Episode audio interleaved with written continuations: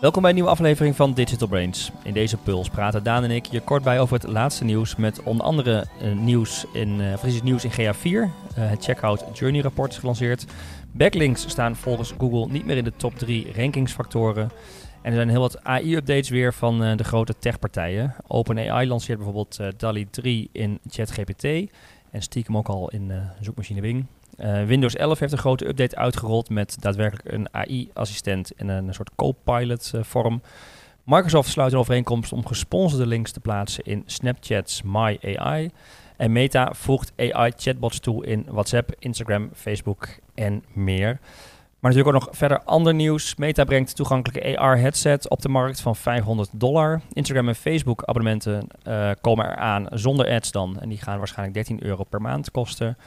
X, de nieuwe naam van Twitter, partnert met het Google Display Netwerk. En er is een nieuwe rubriek, Daan. Pulse from the past. Ik vond er niet genoeg items. Dus nee, precies. Het was niet vol genoeg. Ja. oprakelen uit het verleden. Maar uh, ja, dan gaan we terug in de tijd kijken wat toen het nieuws was. Om eens te kijken van, hé, hey, wat is er nog van over vandaag de dag? Ja, en dan kijken we vijf jaar terug, tien jaar terug in de tijd. Je mag kiezen. Maar ik okay. heb nu de, de tien jaar. De tien jaar, oké. Okay. Echt, echt, lang. ja, precies. Wat was tien jaar geleden het nieuws ja. uh, van nu als het gaat om uh, nou ja, digital marketing. Dus ja. dat, uh, dat hoor je zo meteen. Maar eerst uh, naar, naar Google. Um, waarschijnlijk heb je het wel meegekregen. Je kunt het bijna niet gemist hebben als je althans met AB-testing bezig is. Maar nog even belangrijk om deze puls te benoemen. Google Optimize is gestopt, definitief. Uh, dat hebben ze uh, ja, einddatum, voor mij eind september geloof ik, hebben ze dat uh, ja, beëindigd. In oktober is het helemaal klaar. Ja. Um, en dat betekent dat je dat dus niet meer kunt gebruiken. Was al aangekondigd, ook geen onverwachts iets. Maar mocht je nog niks daar al, daarvoor hebben ondernomen, dan weet je in ieder geval dat het nu niet meer werkt. Um, zelf gaf Google aan als reden dat het ja, tijd was om een focus te verleggen. Hè. Ze willen bedrijven van elke grote gebruikservaring laten verbeteren. Dat, dat zeiden ze toen bij de lancering. En nu zeggen ze eraan toe, we willen eigenlijk naar andere tooling kijken. Veel meer naar integraties gaan leveren, eigenlijk gaan faciliteren. Dan dat we het zelf gaan aanbieden. Het is geen core product van hun uh, uiteindelijk qua AB-testing.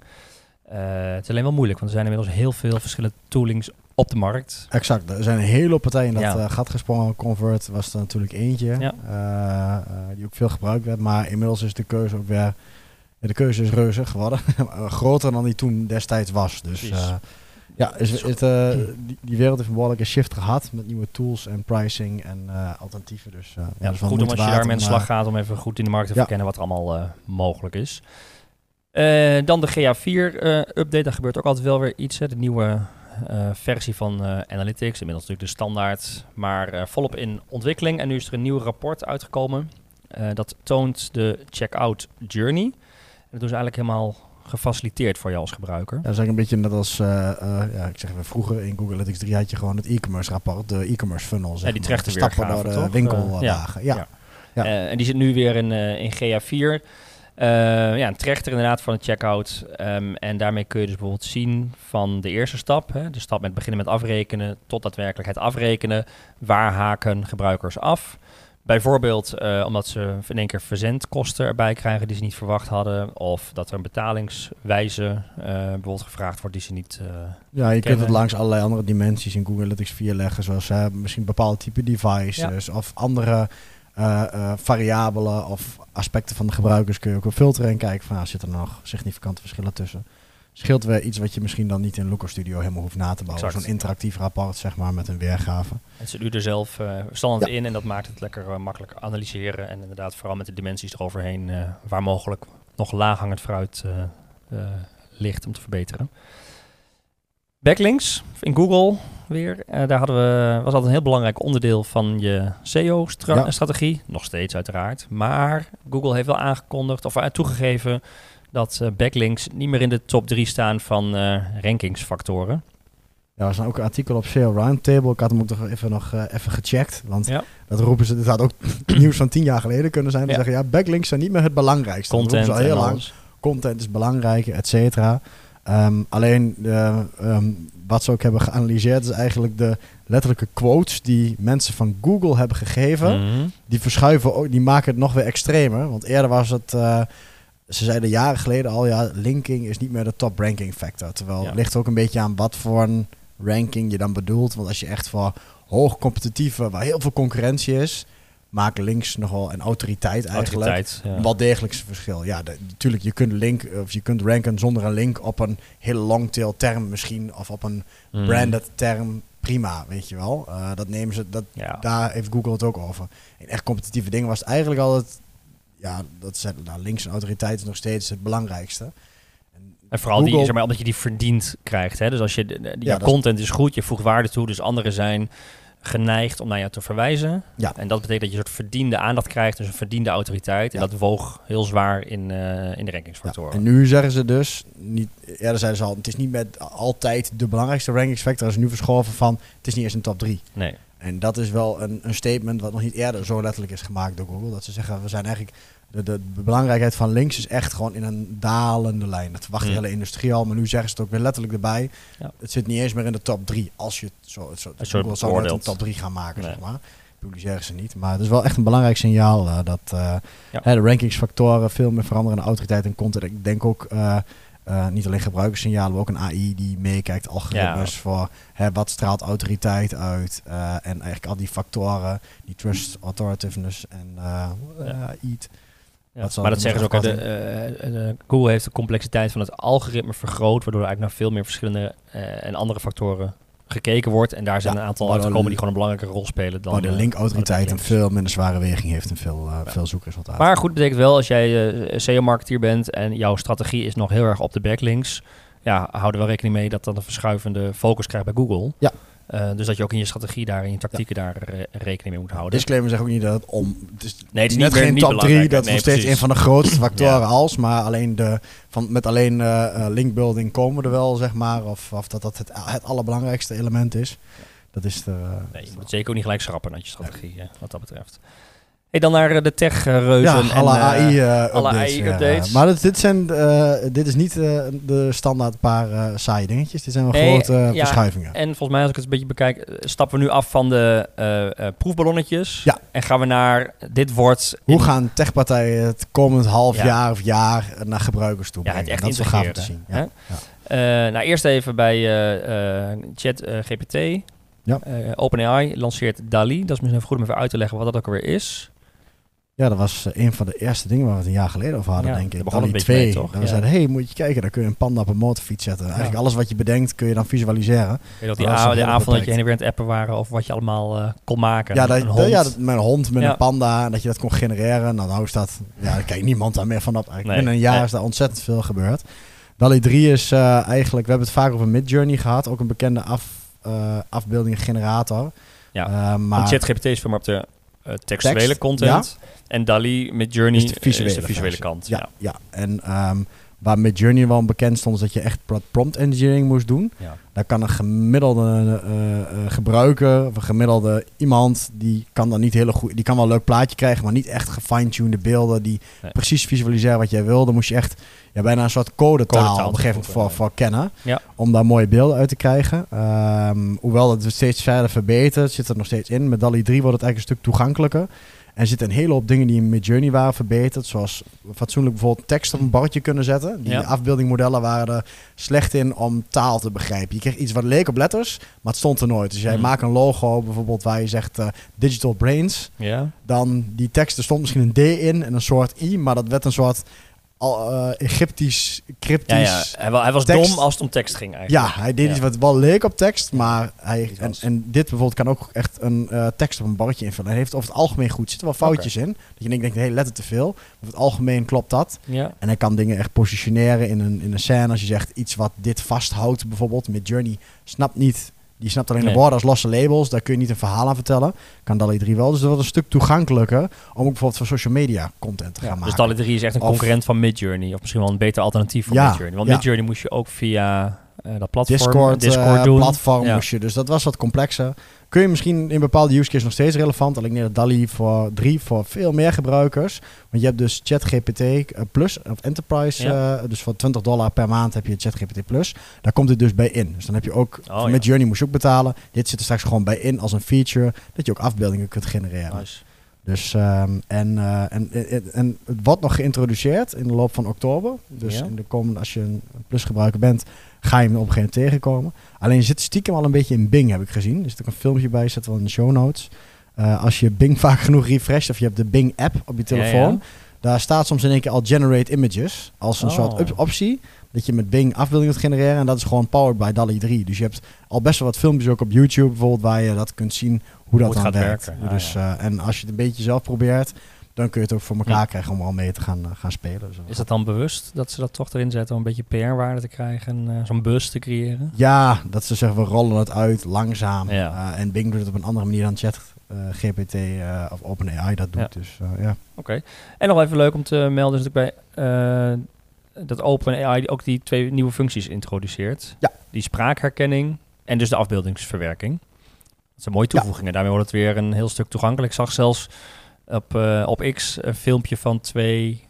ChatGPT's die elkaar praten waren, inderdaad. Ja, die hele gesprek aan het voeren waren. maar spraak wordt dus toegevoegd. Dat maakt het eigenlijk ook waar we eerder over gehad hebben. Ja, de, de stap naar de spraakassistenten komt natuurlijk steeds dichterbij. Ja, dat je ook gewoon letterlijk een vraag kunt stellen aan, uh, aan ChatGPT. En ja, eigenlijk, um, ik, ik, had hem al uh, erop staan in de lijst deep dives. Ik denk dat we dit najaar nog een keer een deep dive moeten gaan doen over alle concrete toepassingen die nu ook zijn binnen het marketingvakgebied en wat het betekent voor de rest van.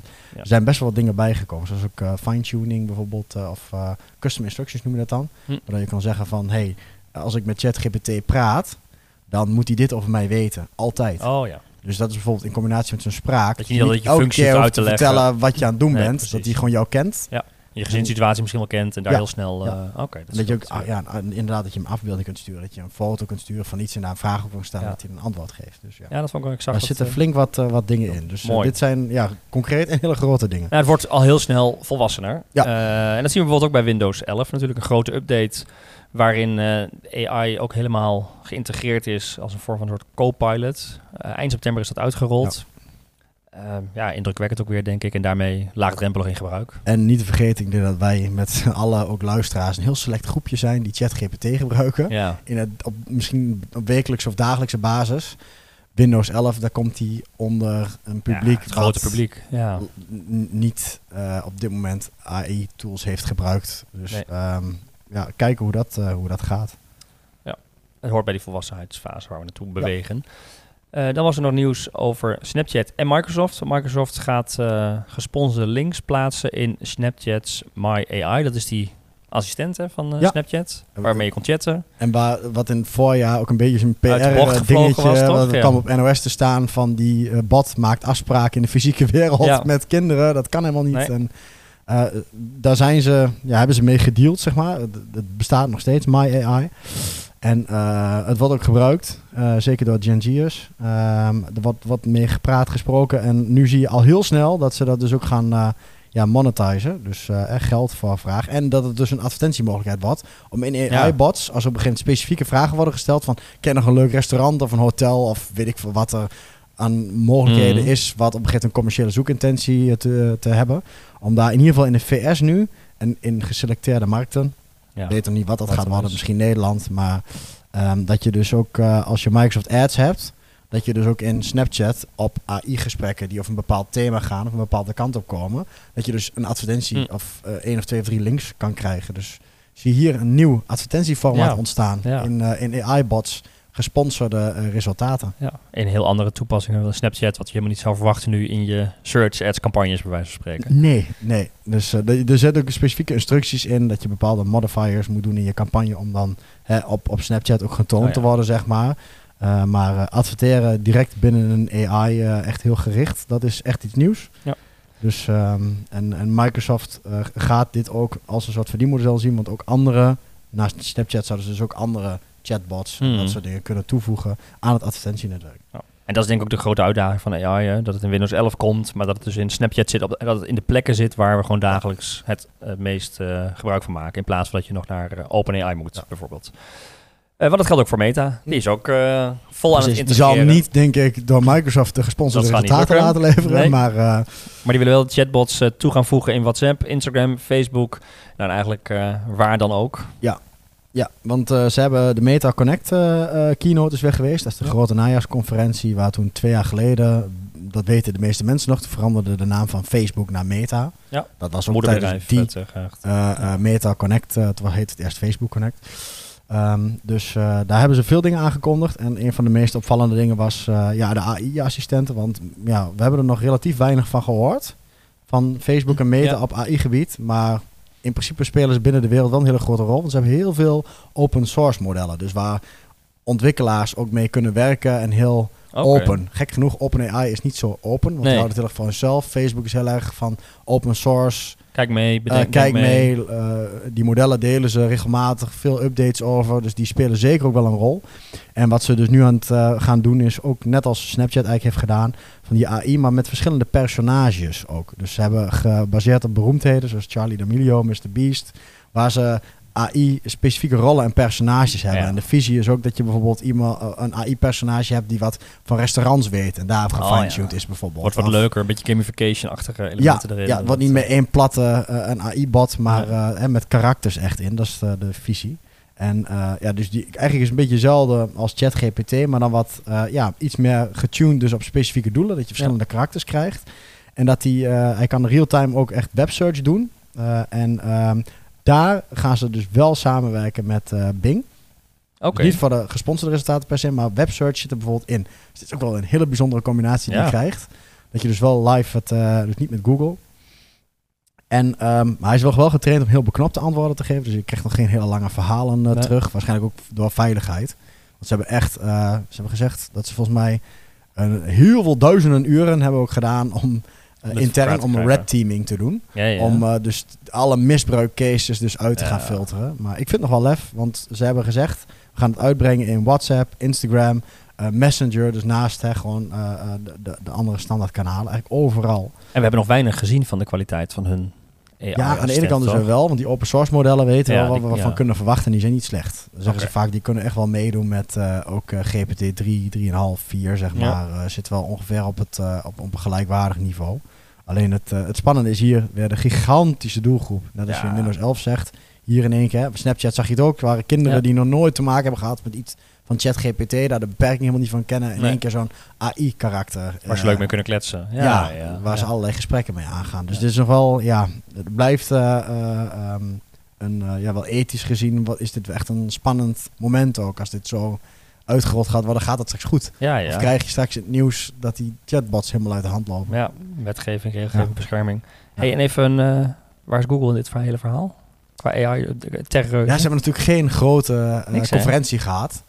Uh, maar je ziet wel incrementeel, zeg maar, in Google Search, zeg maar, zie je wel dingen ook ja, langzaam verschijnen. Want vorig jaar natuurlijk gaat over generative AI in search, dat je die antwoorden krijgt. Maar Google heeft natuurlijk ook minder echt tooling waar je dan... Ja, niet echt chatbots. Ach, nee, maar ook geen Windows 11 of een, een, een, app als Facebook. Of mee. dus, dus Google kan het misschien minder goed uitrollen in de dagelijkse... ze zijn wel veel bezig met enterprise uh, niveau. Net als... Ja. Uh, nou ja, daar kunnen we, kunnen een podcast over op. Amazon is er ook mee bezig.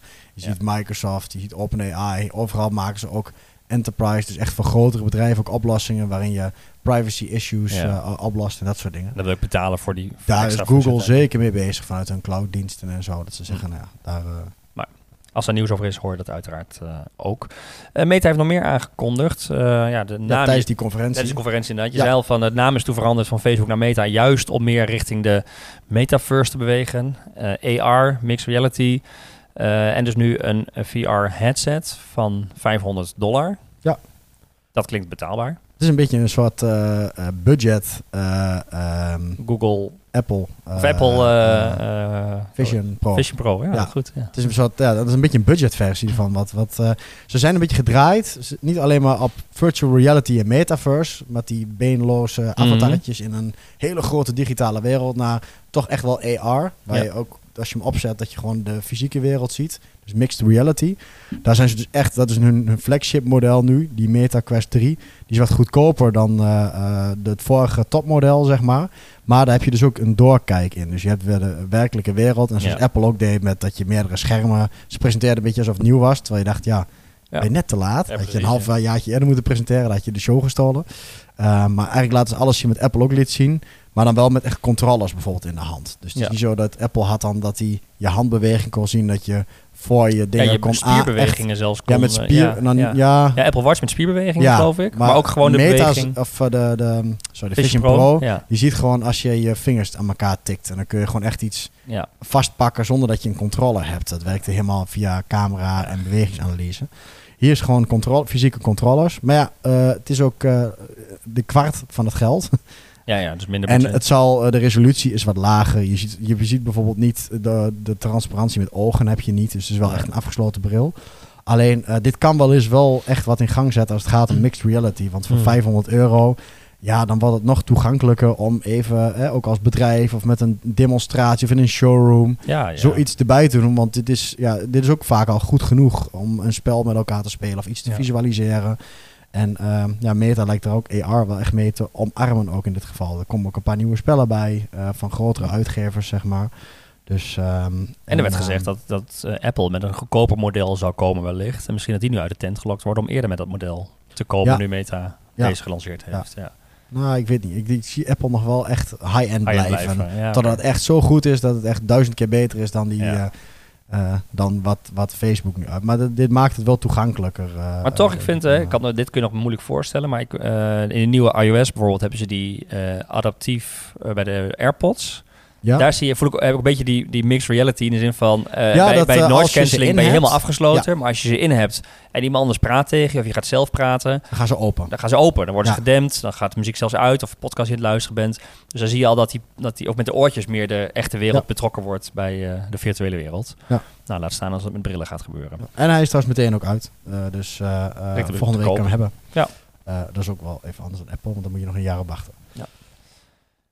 Er werd al lange tijd gesproken over mogelijke abonnementen zonder ads voor Instagram en Facebook. Uh, maar het was nog steeds niet uh, concreet. Dat is het eigenlijk nog niet helemaal. Maar de Wall Street Journal heeft uh, ja, nu toch wel hele concrete informatie dat Meta tot 13 euro per maand wil gaan vragen voor die advertentievrije platformen. Een redelijk specifiek bedrag. Ja, dat 13 euro. is wel heel, ja, heel gericht. Um, en dat zou specifiek zijn voor Europese gebruikers. Um, ja, er is lange tijd ook een beetje discussie geweest over... Ja, kun je ook zonder adverteren? Het moet zelfs. Hè, van, van, uh, je moet ook eigenlijk advertentieloos. En ook je tijdlijn zometeen moet je chronologisch kunnen instellen. Um, en op die manier uh, zou je dit, zou, ja, gaan ze dit introduceren. Uh, ze willen gebruikers via de desktops 10 euro per maand vragen voor een abonnement op Instagram en Facebook. Uh, en voor mobiel dan waarschijnlijk 13 of tot 13. Want de extra accounts kunnen ook nog worden toegevoegd voor een extra 6 euro per maand. Uh, en gebruikers die dan een abonnement via hun smartphone afsluiten, moeten 13 euro per maand betalen. Ja, dus het zijn wel hele specifieke bedragen en uh, ja. een abonnement vormen. Dus dit is wel, uh, dit ziet er wel heel, heel sterk, uh, of ziet er heel uit dat het, dat het er ook gaat komen. Ja, op zich is het niet verkeerd als een alternatief dat je niet per se zelf het product bent, maar dat je ook gewoon... En je die keuze gewoon hebt. Ja, dat je die keuzevrijheid denkt. Dat is op zich een gunstige ontwikkeling. Ja, um, het is niet bekend wanneer het uitgerold gaat worden, maar het is vrij concrete informatie. Dus dat kan wel eens heel snel gaan. Ja. En dan, voordat we gaan terug in de tijd uh, duiken, nog even naar uh, X, Twitter. Ja, die moeten we aan een andere strohalm. Uh, die kunnen, ja, die, die, denken aan alles tegelijkertijd. Volgens mij die willen gebruikers geld vragen. De ene dag, dan weer wat anders. Maar er is nu wel iets concreets uitgekomen wat in ieder geval gang is gezet. Dat is dat X nu het Google Display netwerk toelaat op hun platform. En dat is wel een grote move hoor. Want dat betekent wel voor veel marketeers hier gewoon hier in Nederland heel concreet dat je uh, binnenkort ook op uh, X of Twitter op een relatief eenvoudige manier kan adverteren, namelijk met het Google Display netwerk, ja. wat gewoon in Google Ads draait. En dan ben je het op één plek en kun je distribueren naar X. Ja, je hebt niet weer aparte. Nee, bij Twitter moet je echt apart inloggen ja, en alles beheren. Ja. En, en je krijgt die data op één plek binnen, dus is veel beter analyseren en bijsturen. Ja, je kunt het heel mooi benchmarken. Dus dat zeker als je een doelgroep hebt, dat je zegt, hey, die zitten nog wel eens op dat platform. Want laten we wel wezen, lang nog niet iedereen is daar weg, zeg maar. Het is gewoon wel een behoorlijk invloedrijk uh, platform. En uh, ik moet zelf zeggen dat ik de kwaliteit van de advertenties altijd vrij matig vind, ja. zeg maar, die je te zien krijgt. Dus dan zou een Google Display netwerk ook echt misschien wel voor meer kwaliteit zorgen soms in de, in de tijdlijn. De enige vraag um, uh, wat leeft ook in, uh, in de online marketingwereld is op welke manier gaan ze integreren? Gaan ze ook echt de data verrijken? Uh, dat je echt ook met op Twitter profielen uh, met hun first party oh, data ja. kan targeten. Ja. Dat je zegt iemand die tweet over dit of over dat. Ja, of dat het gewoon heel lomp een koppeling wordt en dat X net als een andere website gewoon als een website te boek staat. Dat hij een beetje naar context gaat kijken. Want dan wordt het uh, ja, weer een bron Wordt niet per se beter. Als voor een display advertentie. Terwijl juist X veel zou moeten weten van de gebruiker. Als het gaat om interesses, onderwerpen en, en targeting. Die je volgt en alles. Ja, Dus de vraag wordt nu heel erg, oké, mooi dat jullie dat gaan doen, maar hoe diep gaan we dat integreren? En kunnen we uh, ook van de X-data gebruik maken om daadwerkelijk te targeten op de doelgroep die je wilt? Of is het gewoon de algemene Google-bak? Maar dus, toch, hè, eh, als je zegt, er is veel uh, discussie rondom Elon Musk en zijn plannen met het platform. Ook heel veel vraagtekens van, is het nou echt een toekomst, toekomstbestendig? Maar Google gaat er niet zomaar zo'n partnership aan. Ik bedoel, dat is niet alleen maar een kwestie van geld. Ik denk, daar ligt er een plan achter waar die naartoe wil. En waarvan Google zegt, hé, hey, oké, maar dan geloven wij wel in het platform als uitbreiding op. Want het is ook, ook voor Google natuurlijk een ja. schade, uh, of in ieder geval imago-schade als je, ja, als je op zo'n platform uh, dat in één keer gaat aanbieden, terwijl het over een paar maanden niet meer zo nou, bestaan. Ik denk dat ze dus- daarom met Google Display Netwerk doen, want in principe kan iedereen op het Google Display Netwerk aansluiten met elke site die je hebt. Ja, exact. Dan zijn ze minder kritisch in. ja, dat dat het wel is. Het is niet een strategisch partnership of zo. Dus ik denk dat ze nogal oppassen hoe dat ze nu misschien toch wel gewoon voor het geld... Uh, voorzichtig zijn. En maar de vraag is heel erg, uh, daar komen we binnenkort wel op denk ik, van op welke manier gaat die integratie gebeuren en wanneer kun je dan live en dan? wanneer kun je daar gebruik van maken. Dus. Oké. Nou, naar de Puls van, Past. Ja, ja, een, uh, ja eigenlijk een, duik in het verleden. Ja. Um, en dan gaan we terug naar 25 september 2013. Het nieuws van die dag. Uh, 100% not provided komt eraan. Dat was nog wel uh, paniek, onrust in. Ja, kan je het voorstellen. Ja, ik weet het nog. Eerder kon je inderdaad, tien jaar geleden, dat, dat is het verst dat we teruggaan hoor. We, we zullen geen enkele ja, aflevering nee. 15 jaar teruggaan of 20. Uh, misschien ook een keer 5 is ook wel leuk. um, maar uh, ja, wat gebeurde toen? We hadden we ook Google Analytics natuurlijk met z'n allen. En toen kon je nog uh, keywords gewoon één op één terugzien. Wat iemand had letterlijk had gegoogeld in Google Analytics. Kun je nou ook niet meer voorstellen. Je kon naar organic gaan en dan kon je kijken op welke keywords bezoekers naar je site daar gaan. Per Echt, gebruiker. per gebruiker. Ja. En op een gegeven moment werd, daar, werden daar wat maatregelen tegen genomen. Dat Google ook wel door had dat privacy technisch natuurlijk niet zo handig was. Dat je letterlijk de zoekopdracht die iemand organisch had getypt terug kon zien in je website statistieken. Want dan kun je echt in ja. op relaties leggen. En tot met conversie en, en dan en gegevens van de inzender eigenlijk zelf. Ja, in principe kon je voor sommige websitebezoekers gewoon zien wat ze hadden gegoogeld. Ja. Uh, uh, kun je tegenwoordig echt niet meer voorstellen. Nee. Dat is het grappige aan die tien jaar throwback. Dat je echt dingen hebt... Uh, toen checkten we nog allemaal in bij Foursquare. Daar kon je de burgemeester van iets worden. Dat was een ander nieuwsartikel waar ik tegen Ik was vaak hier van Edwards de burgemeester. ja. Um, maar dat uh, hebben ze toen uh, op een gegeven moment uh, uitgefaseerd, inderdaad. En toen, stond er, toen bestond het veld nog wel, maar ik kreeg altijd te staan bij die keywords not provided. Ja. En op een gegeven moment was dat dus, inderdaad tien jaar geleden, dat ze zeiden, we halen de schakelaar helemaal over. Alles gaat naar, naar not provided. Dan kon je dat inderdaad niet meer zien. Ja. Dus eh, een beetje net als toen, ja, nu Google Analytics 3 stopte, was dit toen ook best wel een schok voor de meeste SEO-marketeers. Ja, was, en het was wel dus waar een beetje aangekondigd, maar daadwerkelijk die harde overgang, of die overgang was vrij hard en direct uh, toen. Ja, ja, het was zoals een pleister iets ja. te gaan begonnen te trekken, zo van, hey, sommige data kun je niet meer zien, dus dan kun je niet alle conversies meer zien uit welke keywords, uit welke SEO-keywords kwamen onze conversies. Dan kon je langzaam verdwenen dat en toen in één keer, toen trok ze hem eraf bij 50% of zo, toen werd alles in één keer Moest up, weg, 100% ja. en dan kon je eigenlijk niet meer goed zien of je nou branded, non-branded. Dus je merkt namelijk. En er was ook niet echt een goed alternatief nog. Terwijl ja, Search Console werd toen beter, maar niet weer gekoppeld aan. destijds ook niet. Nee. Dat kon je ook niet. Uh, het enige wat je kon doen is terugrelateren naar landingpages. Kun je gaan kijken waar kwam het SEO-verkeer op terecht. En dan ja, de homepage was dan waarschijnlijk meer branded. Branding, en als je een hele diepe categorie had van iets, wist je nou dat zal wel een zoekwoord zijn geweest. Maar een hele tijd uh, inderdaad was SEO uh, toch iets meer guesswork, zeg maar. Blackbox stond er. ja. ja. Leuk. Nou, we hebben een uh, link naar uh, het oude nieuwsartikel voor je in de show notes gezet. De Wayback Machine. De Wayback Machine, ja, ja, kun je hem daar terugkijken. En teruglezen en dan kijken wat het deed in de, in de community toen. en die show notes van deze aflevering die vind je op advice.nl slash podcast of hieronder in je favoriete app. heb je tips, vragen, reacties of ideeën? Laat het dan weten via podcast.advice.nl en zorg dat je op de hoogte blijft door je te abonneren. Voor nu weer bedankt voor het luisteren of kijken en heel graag tot de volgende aflevering.